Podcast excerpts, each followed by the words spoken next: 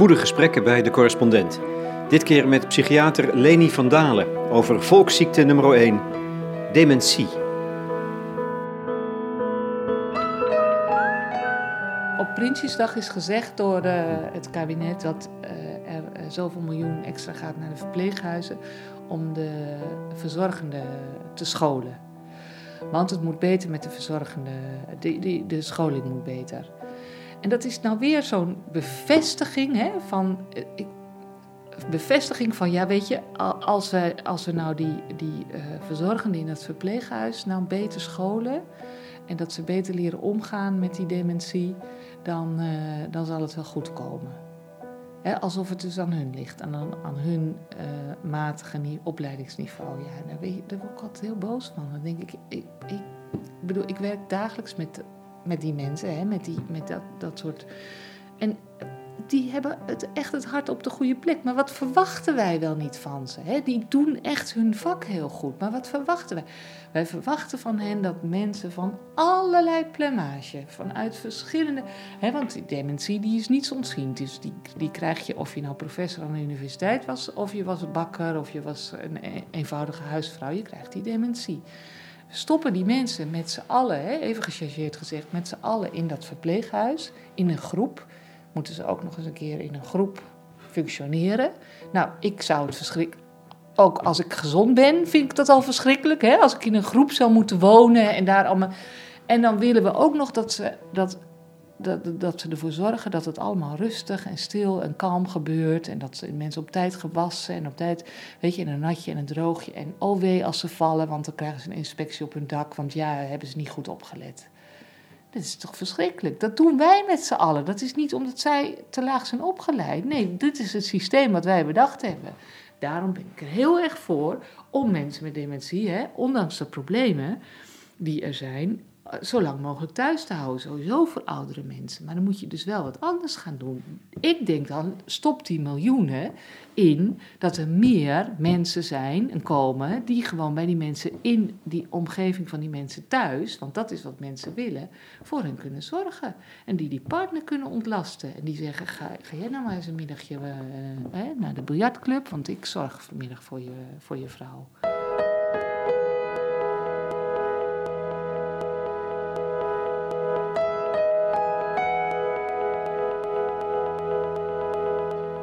Leni van Dalen, psychiater en systeemtherapeut, gespecialiseerd in de dementie. Valt er voor een psychiater enige eer te behalen aan mensen met dementie? um, voor zover er eer valt te behalen om als dokter aan je patiënten, valt dat dus voor een psychiater en mensen met dementie even, evenzeer ja. Maar dat gaat dus over iets anders dan over uh, uh, mensen een medische behandeling bieden die hun beter maakt. Waar gaat het dan wel over?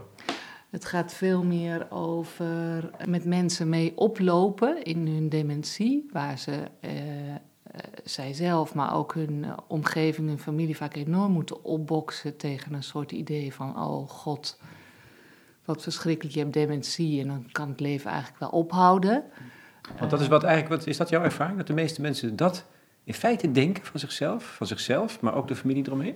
Ja, zolang ze geen dementie hebben meegemaakt in hun uh, naaste omgeving of uh, het niet kennen uh, van dichtbij, is dat het idee van veel mensen. En ook van veel dokters trouwens, van veel huisartsen.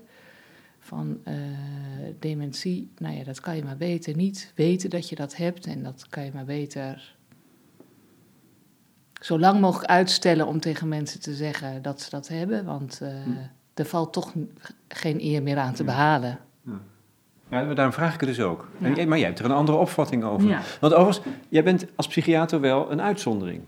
Ja. Binnen de beroepsgroep. Dat durf je wel te zeggen voor jezelf. Ja, ja, uh, en ik doe graag dingen die, uh, um, die anderen niet doen. Ik, ik, ik, ik, ik stap graag in iets uh, wat bijna een onmogelijke opgave is. Oh, dat is dit is ook? Ja, dat, dat, dat, het is wel, ja, het is wel, dit is ook wel een soort strijd, ook bij mijzelf wel.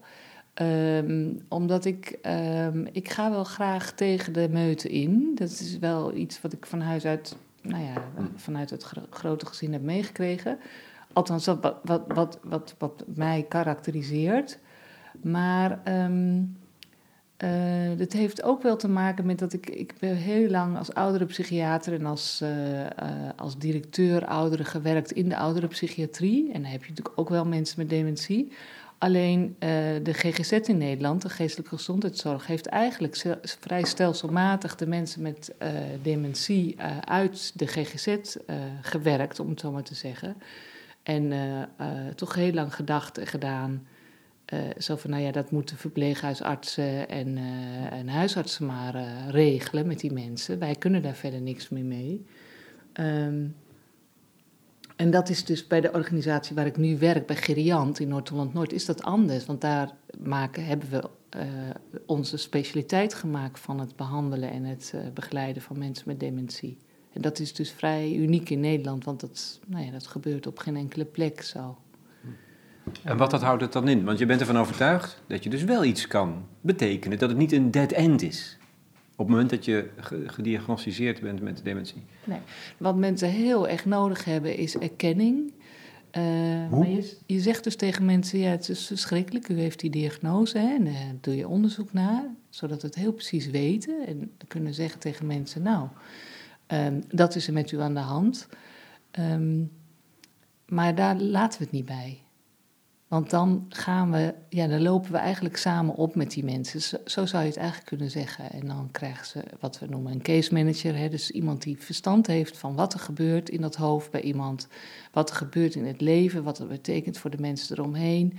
En lopen samen op met die mensen. En uh, we zorgen ervoor dat dat niet iedere week iemand anders is, maar dat uh, de case managers en de dokters eromheen blijven oplopen met iemand uh, tot nou ja, de dood erop volgt, zou ik maar zeggen.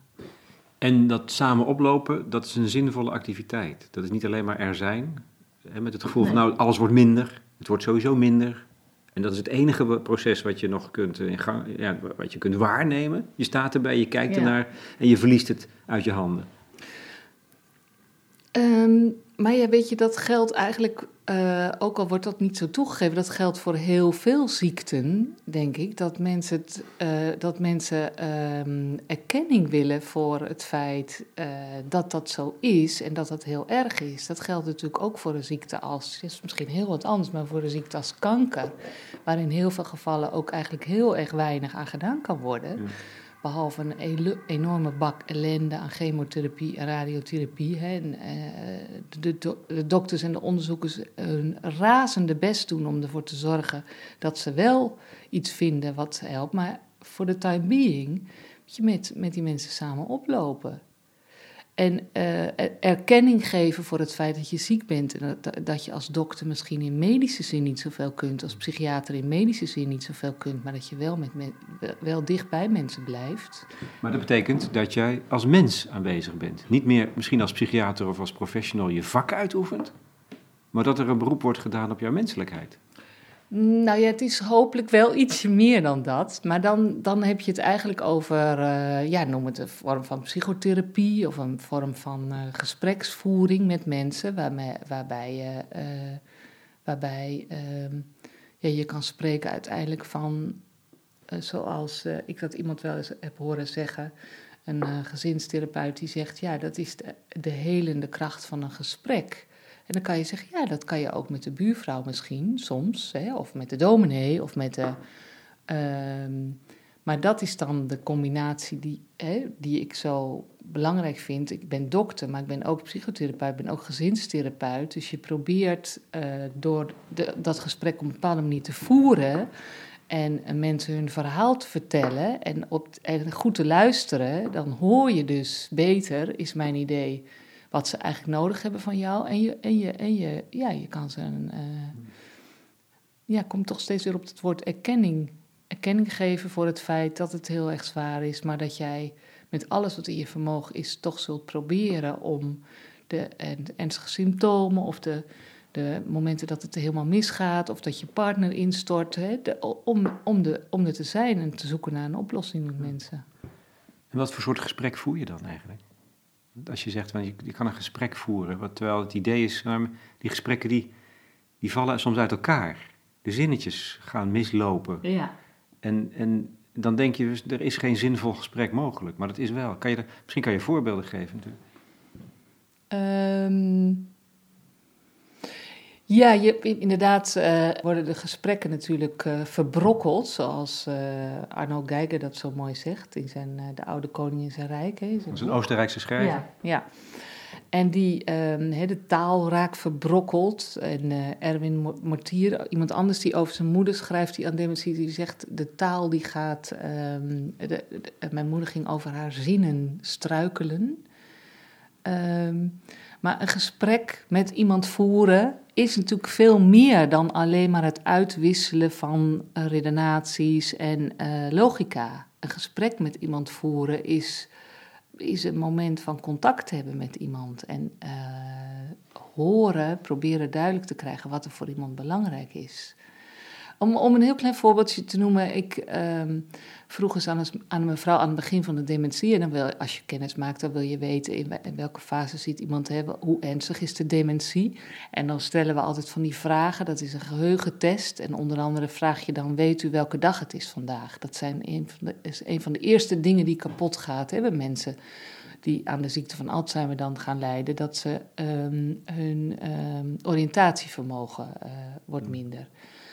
Dus ik vroeg aan die mevrouw, um, um, weet u welke dag het is vandaag? Ja, zei ze, het is een roddag. nou, om dus aan te geven, zij gaf dus in medische zin niet het goede antwoord. Hè? Kreeg ze geen punt voor, want ze wist niet dat het woensdag was.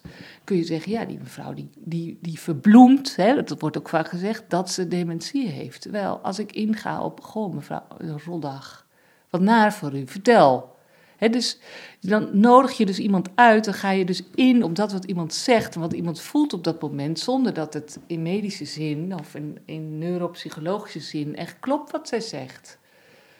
Maar wat er dan vervolgens heel vaak gebeurt, is dat uh, iemand dan, omdat hij het dus niet meer goed kan zeggen, wordt hij ook uitge, wordt hij buitenspel gezet. En dan is het echt vaak letterlijk zo dat iemand dan van het gesprek wordt buitengesloten. Terwijl ik terwijl ik denk um, heel vaak van, uh, laat iemand er maar gewoon bij. Ja, maar dan wordt hij boos of onrustig. Of, uh, nou oké, dat, dat zien we dan wel. En dat, dan kijken we wel wat er gebeurt.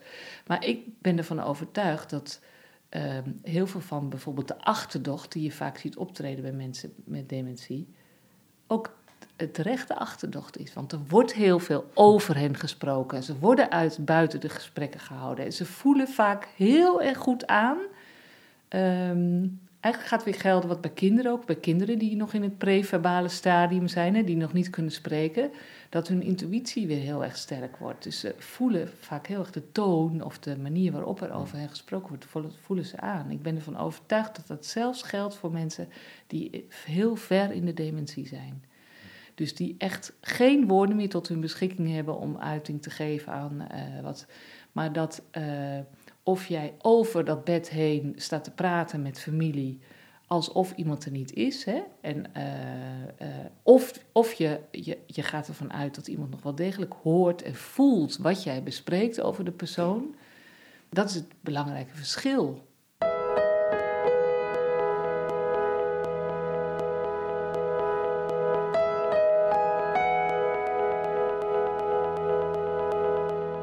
Zeg uh, altijd, uh, dit is overleven. Die mensen proberen te overleven. Die proberen met man en macht duidelijk te maken van... kijk, hier ben ik, het gaat niet goed met mij, luister nou toch.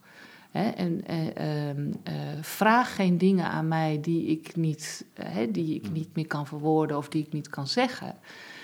Um, want bij geen enkele andere stoornis, zelfs bij kinderen, noemen we het geen probleemgedrag. Hè? Uh, uh, want dat gaat echt heel ver. Hè? Als iemand met dementie uh, bijvoorbeeld de hele dag zit te zingen, noem maar iets, of de hele dag aan het roepen is, zo ja, probleemgedrag. Ja, hoezo probleemgedrag? Wat wil die persoon daar nu mee zeggen?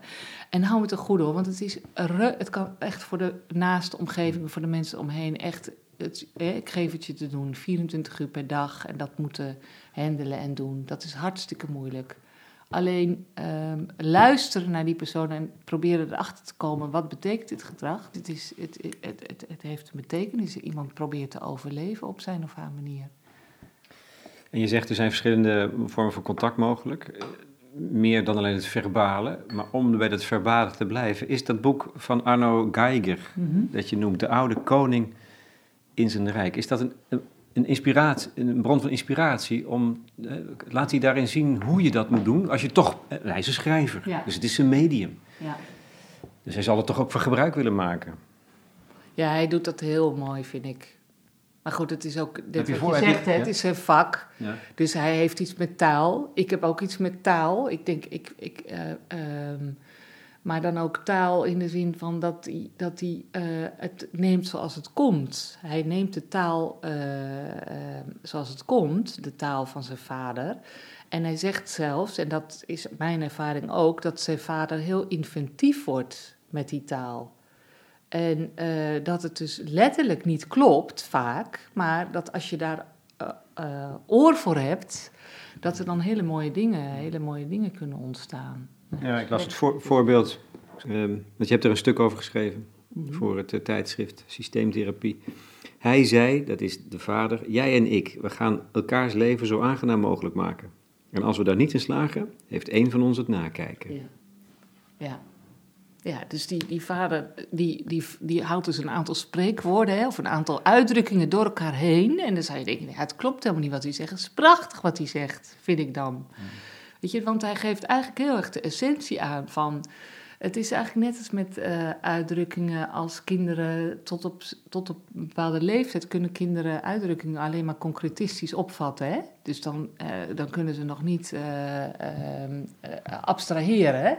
En bij mensen met dementie neemt dat abstractievermogen, dat is ook een van de kenmerken, dat, dat neemt dus af. Dus dat vermogen om te abstraheren.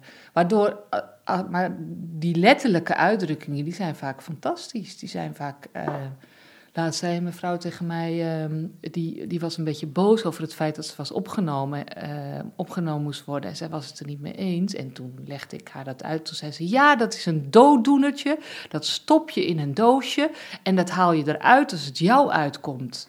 Weet je, ook dat je denkt, ja, dat klopt niet helemaal met... Maar het is prachtig, want daarmee zegt ze dus heel scherp wat ze bedoelt. Namelijk, ik kan het voor jou niet winnen, jij met je argumenten, en nou hou je mond maar, want het, eh, je haalt het eruit uit het doosje op het moment dat je... Het is prachtig. En nogmaals, weet je, eh, eh, het is absoluut niet mijn bedoeling om, eh, om te zeggen dat de taal van mensen met dementie nou altijd zo poëtisch of zo, hè, of zo, want dat is natuurlijk niet zo. Het is ook, zeker voor partners die er dag en nacht mee moeten dealen, is het natuurlijk ook vaak heel erg ingewikkeld en lastig dat je elkaar in de kleinste dingen niet meer begrijpt. Ehm, dus, dat, dus ik wil absoluut niet als een soort wetweter of als een soort eh, eh, eh, taalpurist nu eh, gaan roepen van... goh, kijk toch eens hoe prachtig die taal van mensen met dementie. Dat is niet zo, dat, dat zeker niet. Alleen, ik denk wel, om het maar dan weer met die Arno Geiger te zeggen... het is niet alleen maar verlies.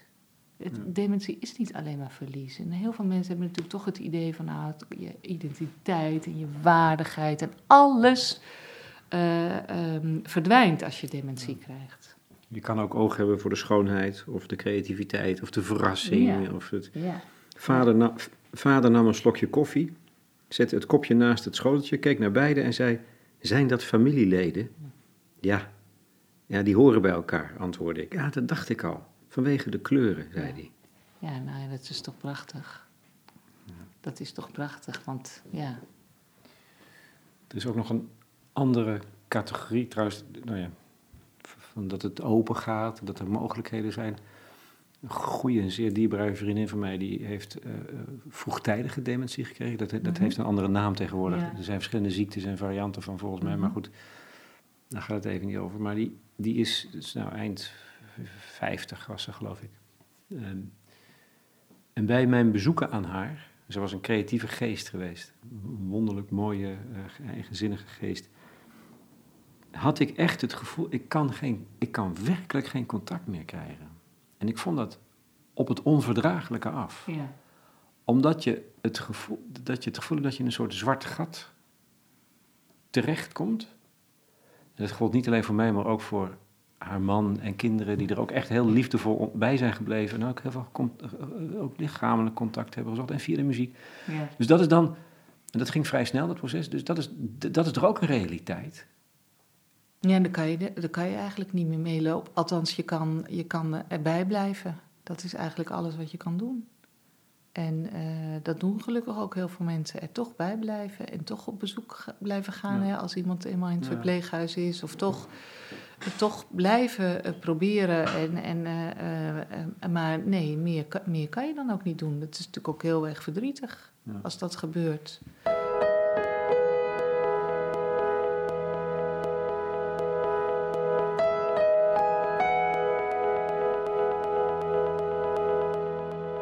Even, even een paar dingetjes van het nieuws. Wordt het doodsoorzaak nummer 1? Nou, ja. Dat weet ik niet. Ik, ik ben onze lieve Heer niet en ik ben ook niet zo'n wetenschapper. Maar eh, wat wel zo is, maar dan heb je het eigenlijk over het beeld wat geschetst wordt hè, van mensen met dementie en de tsunami. Het deltaplan dementie is nu natuurlijk heel erg eh, in. Hè? En Philip Scheltens, die uitstekend werk verricht als het gaat over doen naar onder, van onderzoek naar de oorzaak. Eigenlijk zou je dan moeten zeggen, maar dat, dat is zoals ik er tegenaan kijk, dat de doodsoorzaak eh, nummer één wordt dat wij met z'n allen heel erg oud worden. Want dat wordt wel eens vergeten. De, de meeste vormen van dementie eh, t- treden op omdat wij zo oud worden. Boven de 85 heb je kans van 40% dat je aan dementie gaat lijden. Ehm, dus ja, eh, eh, het is eigenlijk de prijs, hè, wordt ook wel eens gezegd door mensen, de prijs die we betalen voor onze welvaart en het gezond ouder worden. Dan moeten we er ook maar wel iets in investeren om er goed mee te leren omgaan. Dan. Ja, en eh, eh, wat eigenlijk steeds duidelijker wordt, is dat allerlei andere factoren eh, die belangrijk zijn om gezond ouder te worden, hè, in beweging blijven en ehm, eh, zorgen dat je niet rookt of dat je, dat je niet te dik wordt, al die dingen die blijken ook voor dementie op te gaan om dat te voorkomen. Ja. Je kan het natuurlijk nooit omdraaien. Hè, die neiging die hebben we natuurlijk als maatschappij een beetje. ook Als je gezond leeft. als je nou gezond leeft, dan, dan wordt het je bespaard. Want zo is het natuurlijk niet. Kan, niet, je kan dat niet. Dat gaat alleen maar eh, op als je het hebt over hele grote groepen. En je kijkt dan van wat zijn risicofactoren. Dus nee, dat, dat, dat, ja, nee ja, er gaan wel, wel veel mensen die overlijden. eh, terwijl ze al een vorm van geheugenproblemen hebben. Ja. of eh, een vorm van dementie Ja. hebben. En dan is natuurlijk de vraag, komt er een pil tegen, tegen Alzheimer? Ja, nee. Ik, ik, geloof er, ik geloof er helemaal niets van. Ehm, ehm, dat geloof ik echt niet, want het is ook zo. Bert Keizer die schreef vorige week, was het vorige week in de, in de Trouw een eh, mooi stukje over.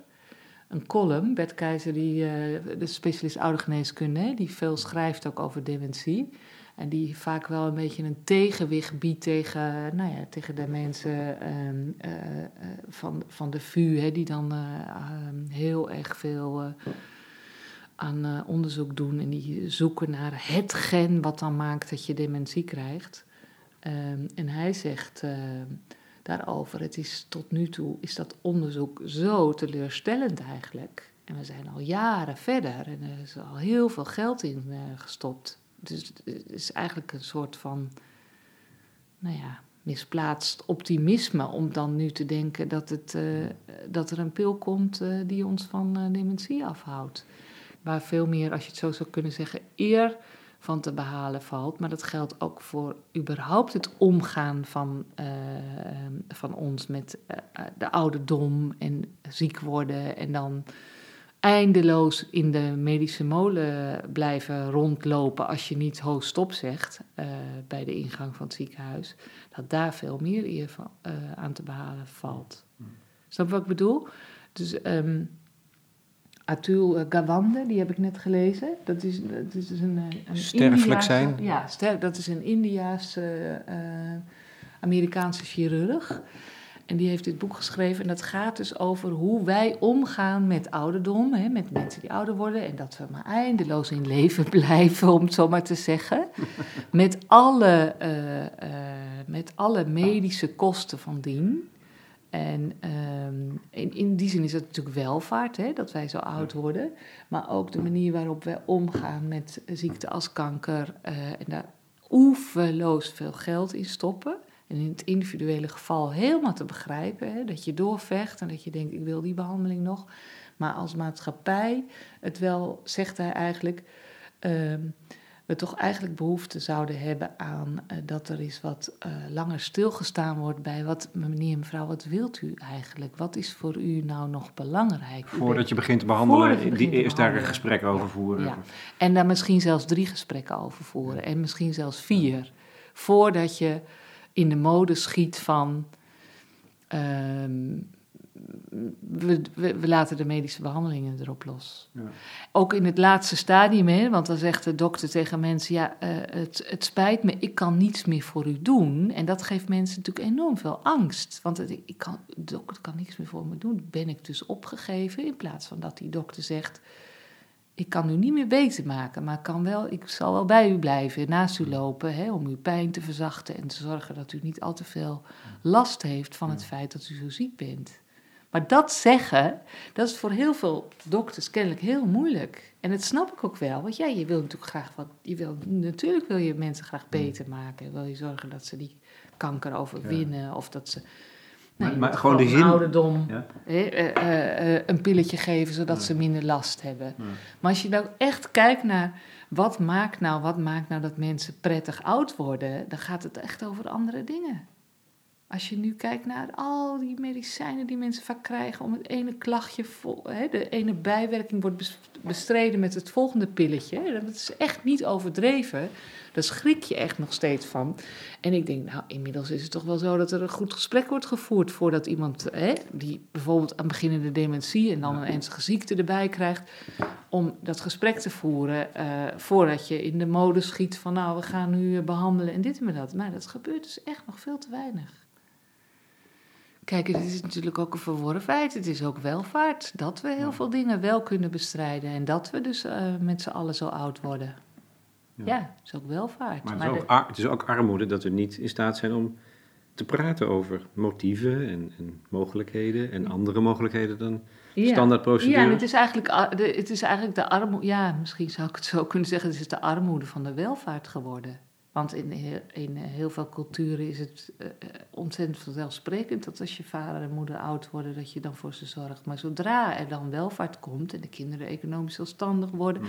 en vader en moeder een pensioen krijgen en eh, voor zichzelf kunnen zorgen, dan zie je dus de, ja, de familiaire armoede optreden, zou ik maar zeggen. En daar, waar- daarmee wil ik helemaal niet zeggen dat we nu dus met z'n allen maar weer allemaal voor onze oude vader en moeder moeten gaan zorgen. Want zo zit onze maatschappij natuurlijk niet meer in elkaar. Dat gaat niet meer. Maar dat vind ik wel het mooie aan zijn boek van Atul Gawande. Dat hij zegt, joh, laten we er op zijn minst nou eens met elkaar over gaan nadenken of dit nou wel is wat we willen. En dat zie je wel nu ook ontstaan in die hele verpleeghuiswereld en de verzorgingshuizen. Dat het meer wordt, ehm, helaas vanuit een bezuinigingsmotief. Maar dat er wel gelukkig steeds meer gekeken wordt van wat willen mensen nou zelf eigenlijk als ze oud worden.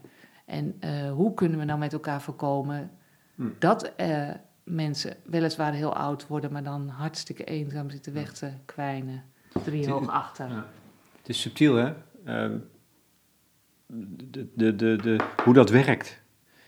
Mijn vader is 93, heeft, is gediagnosticeerd dementie, is opgenomen in een verpleeghuis. Kreeg laatst een infectie aan de urinewegen. En dan is de vraag aan mijn moeder, 89, moeder, die moet, moet die antibiotica? Ze had gezegd bij de intake, nee. Nu, in dit concrete geval, zegt ze toch, ja, doe maar wel. Want die man, hij is eigenlijk behoorlijk opgeknapt sinds hij opgenomen is. Ja. En dan is de reactie van het verplegend personeel, inclusief ook de psychiater, is ja, dat vinden we goed, dat snappen we wel. Het is heel bevestigend.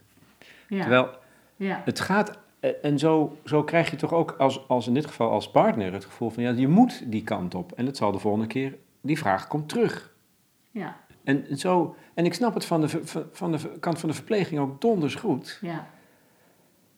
Je kan, Ja. hoe, hoe, hoe- je kan niet zomaar stoppen. Nee. Nee, je kan niet zomaar stoppen. Nee. Nee, je, kan, je moet ook niet zomaar stoppen, Nee. denk ik. Je moet, het, je, moet dat, je moet dat heel goed met elkaar afwegen elke keer opnieuw. En als dat gesprek, weet je, als dat gesprek gevoerd wordt, dan wordt het tenminste gevoerd, het gesprek. Ja. Dus dat is heel goed om te horen, dat het gesprek gevoerd wordt. Van, en wat zijn dan de ins en outs? Ja, en heel veel mensen kunnen dat natuurlijk niet helemaal goed overzien.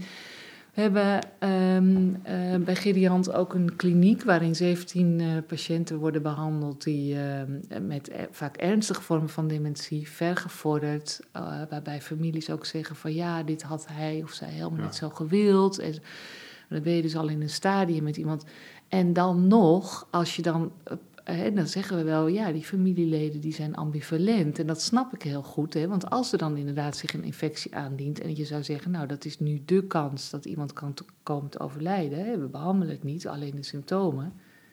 Ja, en dan, vinden men, dan hangen mensen toch zo aan hun vader, moeder, partner, dat ze dat dan toch zeggen, doe maar wel. Omdat dat afscheid nemen ook niet iets is wat je dagelijks doet. Zal ik maar zeggen. Hoe doe je dat dan?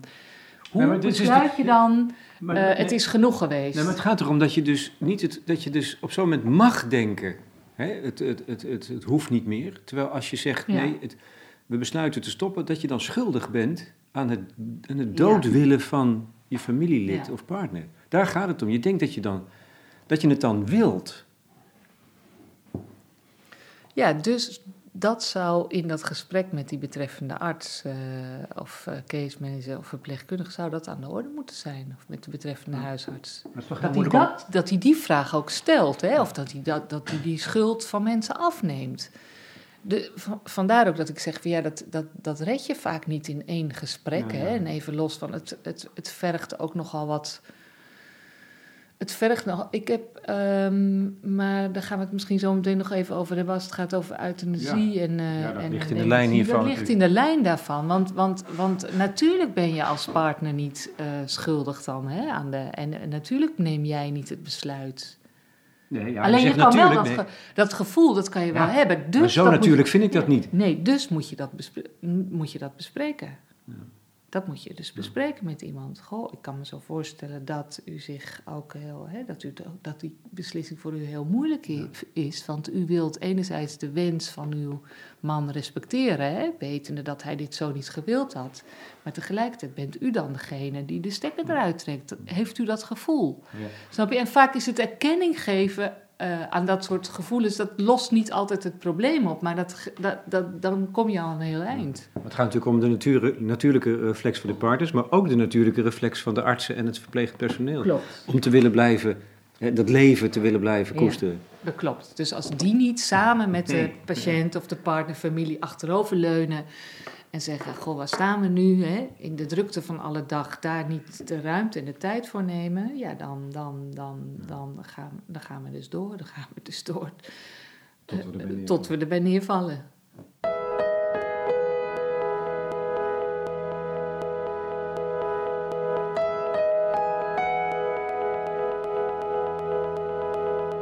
Ja. Jij loopt mee, die lange weg, soms, kronkelige weg, die eindigt in de dood. Want dat staat bij, vast bij dementie. Ja. En dan kan het voorkomen dat mensen die ehm, getroffen zijn door die ziekte, of het nou Alzheimer is of een andere variant, een doodsverlangen uitspreken. Is daar ruimte voor bij jou? Als die mensen dat eh, zelf vragen, Ja. mensen met dementie, dat ze echt concreet om euthanasie vragen. Ja. Ehm, ja, daar is zeker ruimte voor. Ehm, Heb je, ook- heb je daar ook ervaring mee? ja, ja, bij, bij, bij, eh, bij Geriant is het regelmatig aan de orde dat mensen om eh euthanasie vragen. Dat zijn vaak mensen aan het begin van, eh, van, van de dementie.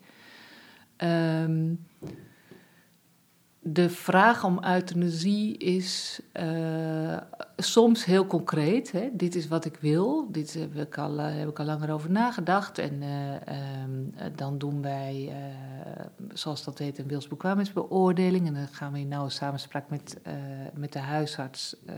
nou ja, wi- willigen dat verzoek dan al dan niet in. Maar de vragen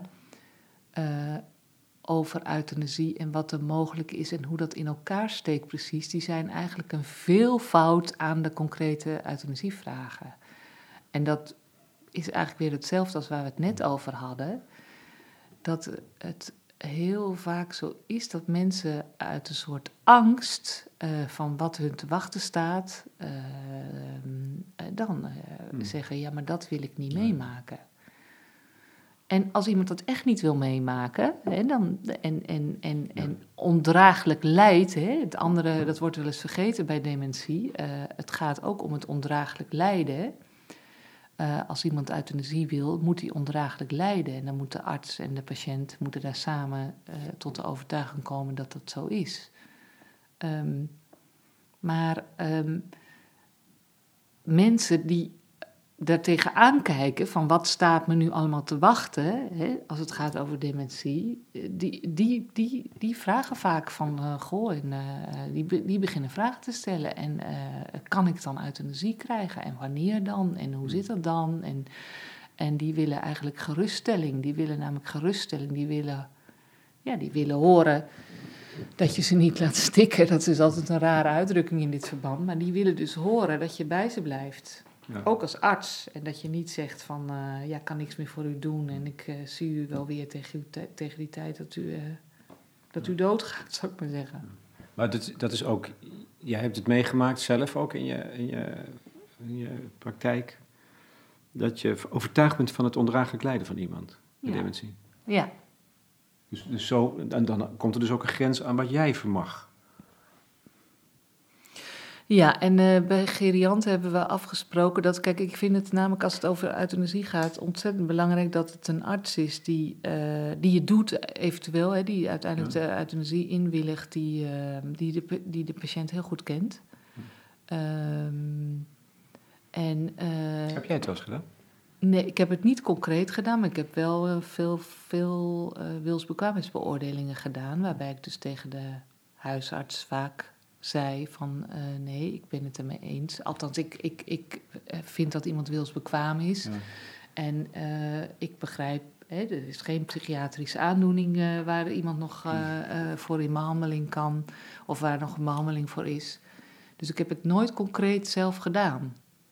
Laat ik het zo zeggen, dat is eigenlijk weer hetzelfde als waar we dit gesprek, gesprek mee begonnen. Um, het horen van een euthanasiewens heeft heel veel te maken met uh, luisteren naar patiënten. Wat bedoelen ze nou eigenlijk te zeggen? Wat willen ze nou vragen? Is het de angst om uh, uh, in een situatie te komen waarbij er niemand meer is die naast je staat en die geen dokter meer is die je kan helpen of die bij je is, of, is, of wil iemand echt dood? En die twee die kan je natuurlijk niet altijd heel goed ontrafelen. Maar als je belooft dat je samen oploopt met iemand en dat je iemand niet dat is met name ook in de psychiatrie, waar ik ook wel uh, beoordelingen voor doe, hè, voor dus andere psychiatrische uh, ziekten dan voor dementie. Um, merk je ook in de praktijk dat het heel vaak mensen zijn die bijvoorbeeld heel slecht contact hebben met een psychiater, of die helemaal niet een vaste psychiater hebben, of die niet een vaste sociaal-psychiater verpleegkundige hebben, die dus niet iemand hebben die met hen oploopt, die te maken hebben met zoveel wisselingen in, uh, in, in, in behandelaar, in therapeuten. En die komen dan ter lange leste bij de huisarts eh, met hun vraag om euthanasie. Of ze gaan naar de levenseindekliniek, omdat ze zeggen, ja, niemand wil naar mij luisteren. Oftewel, ik heb geen, geen, geen dokter, geen, niemand die mij zo goed kent dat ik deze vraag aan hem of haar kan voorleggen.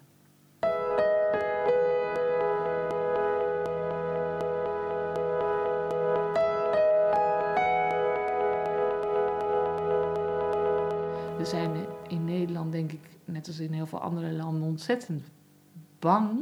We kijken aan tegen het beeld wat er bestaat van dementie. En ik vind ook dat wij met z'n allen dat beeld moeten gaan aanpassen. Hè? Ik als werker, als psychiater, werkend in de wereld van dementie, vind ik dat we dat beeld wat er bestaat over dementie, dat we dat moeten gaan bijstellen.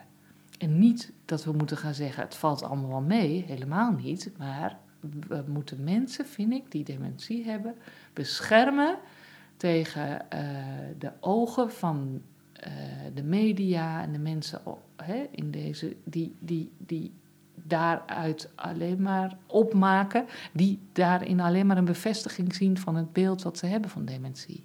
Namelijk een dead end. Niks, Een meer, niks meer te en, doen. eh, de, de betutteling en de poppen en het, eh, en het in je broek poepen. En je, en, want dat, dat is natuurlijk toch wat wij laten zien van mensen met dementie. Zij kunnen het zelf niet meer. Ze kunnen niet meer zeggen, hé, hey, hallo, oh, stop. eh. maar dat wil ik helemaal niet dat je me zo laat zien aan de buitenwereld. Snap je? Dus wij bevestigen met z'n allen heel erg het beeld wat we hebben van dementie. Waardoor wij eigenlijk de waardigheid van mensen met dementie eh, hen afnemen. Maar dat is mijn, eh, dat is mijn overtuiging. Dus je verliest je waardigheid niet per definitie. Want er zijn gelukkig heel erg veel ontzettend lieve mensen en eh, ehm, familieleden en ook verzorgenden in het verpleeghuis die hun stinkende best doen om ervoor te zorgen dat jouw leven nog wel degelijk waardig kan zijn en waardig kan verlopen. En jou beschermt tegen de ogen van de buitenwereld, die jou alleen nog maar zien als, een, een pisruikend, niet meer eh, in staat zijn tot enigzinnig woord eh, sprekend iemand. Snap je? Daar kunnen wij met z'n allen, eh, dat kunnen wij met z'n allen proberen te voorkomen. Weet je, ik hoor het Philip Scheltens dan weer opnieuw zeggen in een interview vorige week eh, over eh, oh, of die be- be- beroemde pil dan gevonden wordt voor eh, mensen met dementie en het onderzoek wat ze doen vanuit het Deltaplan Dementie. En ja hoor, en, hij moet het dan toch weer zeggen, ja, en dementie is een verschrikkelijke ziekte en je, je geheugen gaat kapot en je verlies je waardigheid.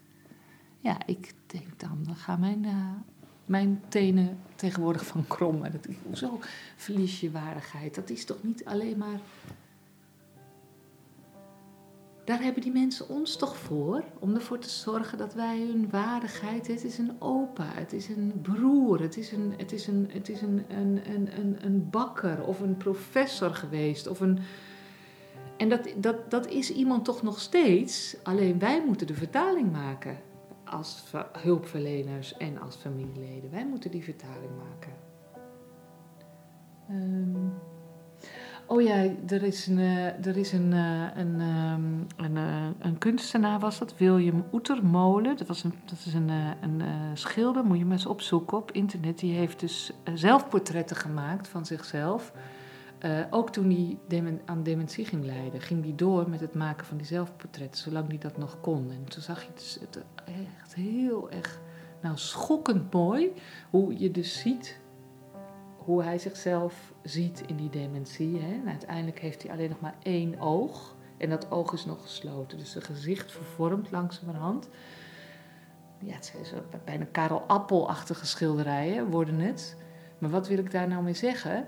Kijk, die familie die heeft dit dus na zijn dood laten zien aan de wereld. Van kijk, dit is dus, dit is dus, was dus deze meneer. Hè? Die kon prachtig schilderen en die heeft dat dus gedaan.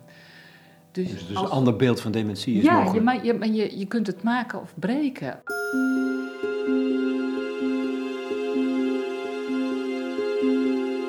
Lenny van Dalen, psychiater, in gesprek met Lex Bolmeijer voor de correspondent over dat andere beeld van dementie.